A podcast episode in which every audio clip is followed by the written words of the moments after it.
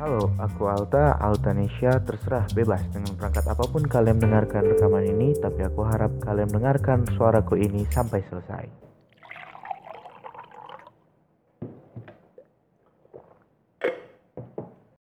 Halo, jadi hari ini tuh mau ngomong mengenai satu pandangan aku tentang hidup ini Ngomong-ngomong, biar aku jelasin sedikit, aku adalah mahasiswa di salah satu universitas di Kota Kembang, Kota Bandung. Tapi asli aku bukan dari Bandung, aku dari Sulawesi. Nah, mumpung libur tiga bulan, aku ini pulang lah ke kampung halaman aku di Sulawesi. Aku itu anak dari pengusaha makanan. Kita sebutlah usaha rumah makan, jangan restoran, rumah makan aja nggak terlalu uh, bagaimana gitu untuk disebut sebagai restoran. Tapi aku nggak tahu bedanya apa sih. Sebenarnya tahu sedikit-sedikit bedanya di mana restoran itu uh, bagaimana restoran itu lebih sering dianggap mewah oleh kalangan banyak ya. Jadi selama liburan aku itu mungkin beda ya sama mahasiswa-mahasiswa lain yang liburan. Kayak cuma di rumah minta duit sama bapaknya ngopi ngerokok ngabisin sekitar 50 ribu setiap hari untuk ngopi nongkrong dan merokok. Itu adalah salah satu contoh yang aku ambil dari teman aku sendiri. Jadi nggak asal-asalan oke? Okay?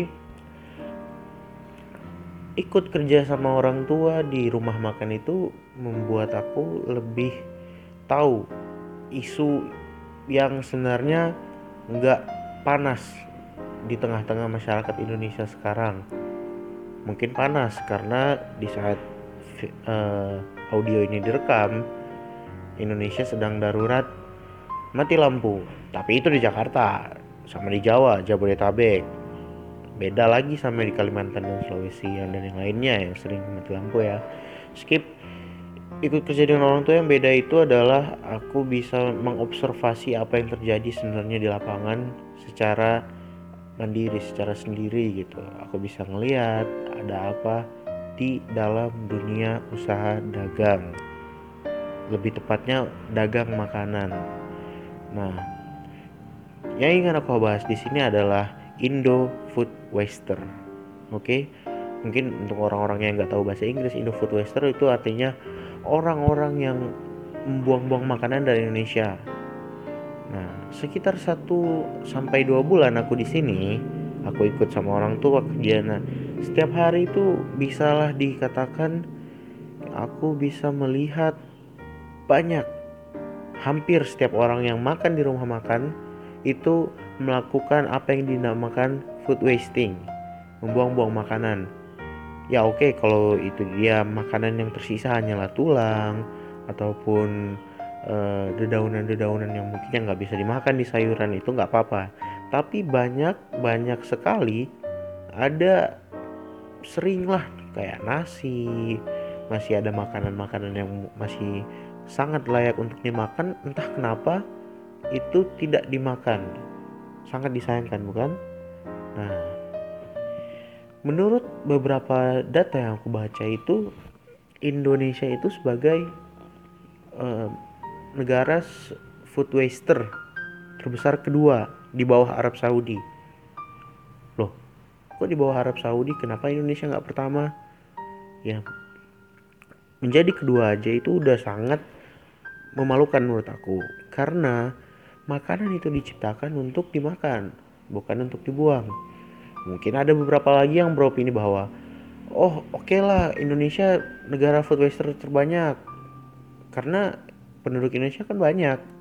Jadi sampah yang diproduksi juga pasti banyak. Enggak yang di peringkat satu yang tadi aku sebutin Arab Saudi itu penduduknya tentu lebih sedikit dari Indonesia tapi kenapa? Dia menjadi negara food waster terbesar di dunia yaitu karena pola pikir masyarakat yang hanya makan apa yang dia mau makan. Bukan aku ingin makan ini aku beli ini. Bukan bukan itu ya. Tapi dia hanya makan apa yang dia mau makan yang sudah ada di, di atas dan tertata di piringnya. Indonesia sebagai negara berkembang tentu harusnya menurut aku itu nggak boleh yang seperti itu. Udah negara berkembang banyak penduduk-penduduk miskin. Nah ini banyak juga penduduk-penduduk yang menurut aku mohon maaf tidak tahu diri membuang-buang makanannya oke. Di rumah makan orang tua aku itu nggak tercuk nggak tergolong besar ya. Bukan rumah makan tergolong ya rumah makan yang ter, tergolong sebagai rumah makan yang menyediakan makanan untuk orang makan sehari-hari. Bukan orang yang menjadikan makanan sebagai rekreasi. Beda. Jadi rumah makan itu eh, setiap hari nggak sampai 100 orang yang makan. Tapi sangat sayang sekali aku melihat itu.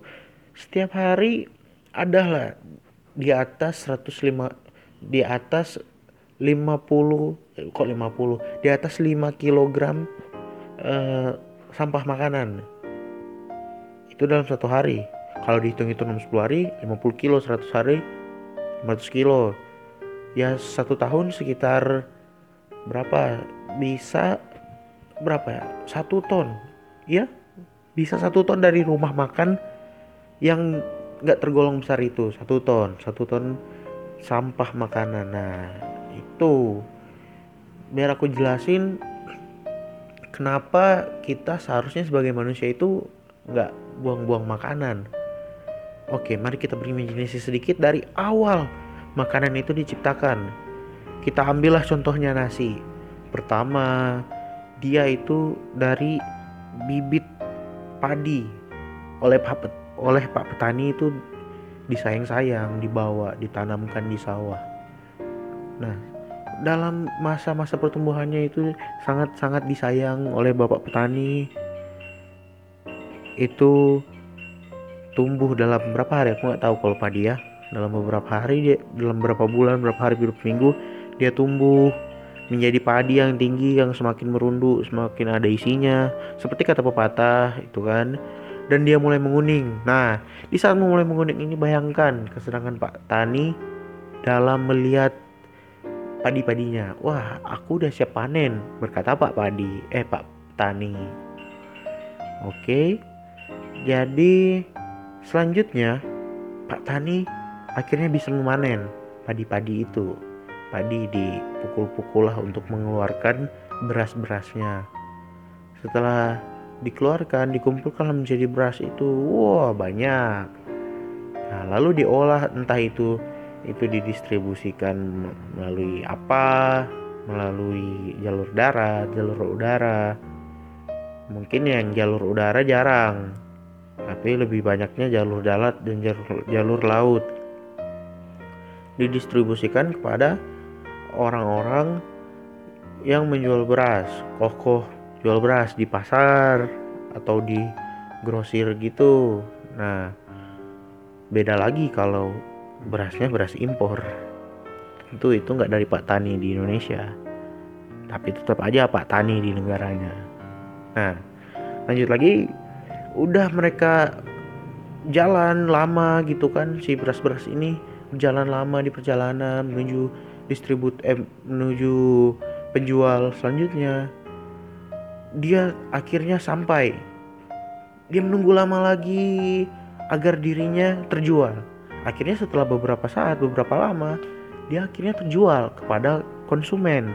Konsumen bisa dikatakan orang yang punya rumah makan orang yang punya rumah tangga atau anak kos atau siapa pun yang ingin masak nasi mereka sebagai konsumen sampai di sini beras udah senang udah senang si beras tuh wah aku akan dimasak nih aku akan berguna bagi dunia ini akan tetapi saat dimasak loh kok habis dimasak beras ini yang sudah menjadi nasi dibiarkan di piring gitu dibiarkan di piring dibiarkan di piring terus dibuang ke tempat sampah. Lah, coba kita bayangkan bagaimana perasaan-perasaan beras itu. Bukankah mereka sedih? Wah, ngomong-ngomong beras sedih, ini adalah uh, ini adalah pembahasan yang apa yang kita bahas adalah uh, perkataan orang tua dulu saat ki menyuapi kita makan. Ayo nak, makan. Kalau enggak nanti berasnya sedih. Eh, nasinya nangis. Nah, Emang nasinya nggak nangis keluar, keluarin air mata. Tapi ingatlah, semua benda yang dibuang itu akan sedih apabila dibuang oleh pemiliknya. Kecuali memang betul-betul sampah yang memang nggak bisa terpakai, oke? Okay?